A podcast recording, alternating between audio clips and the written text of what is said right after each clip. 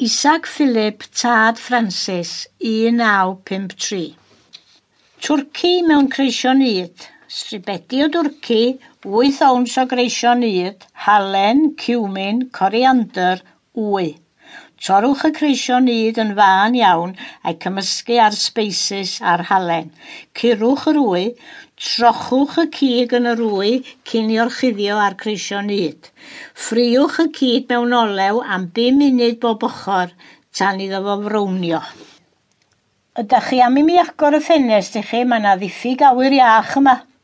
Nath Peggy ddim edrych arnai wrth iddi ddod i mewn i'r llofft, dim ond croesi'r llawr pren tuag at y ffenest i thraed yn ysgafn ar y derw. Paid a'i chyffwrdd hi, meddwn yn grig o'r gwely. Mae hi'n oer yma. Na i nôl blanced arall i chi ta. So dwi ddim isio blanced arall. Estynodd Peggy am y bolen ddŵr o ben y cwpwrdd ac eistedd yn y gadair fach ger y gwely. Edrychais ar ei bysedd hirion yn profi gwres y dŵr. Roeddwn i wedi cwyno ddoe fod o'n rhewi.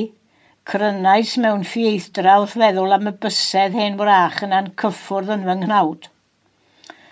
Plygodd Pegi'r blancedi yn ôl ar waelod y gwely gan ddinoethi fy nhraed a'n. Roedden nhw'n wyn ac yn fain fel esgyn.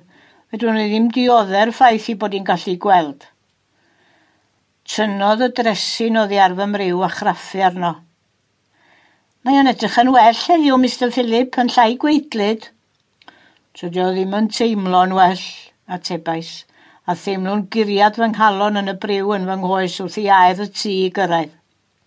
Rydw i'n mynd i wolchi fo rwan, Mr Philip meddai Peggy, cyn tynnu cadach o'r dŵr yn y bolen a gadael i'r diferion ddisgyn ar y briw. Roedd y boen bron yn ddigon i wneud i mi lewygu, yn wenfflam, yn cripian i fyny nghoes. Anwybyddodd Pegi fy ngryddfan a dal ati i olchi'r briw.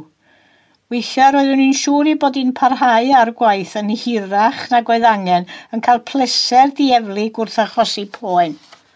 Dyna chi, meddai gan drio swnio'n gysurlon. Teimlai fy nghoes fel petai rhywun wedi cymryd brathiad ohoni.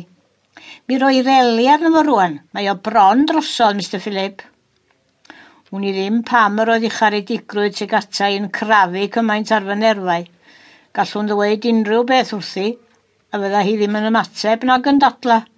Yswn am i chlywed yn poeri sylw creulon i'n nghyfeiriad i. Roeddwn i'n sicr bod Gwenwyn yn ddi, dim ond i mi grafu i'r wyneb.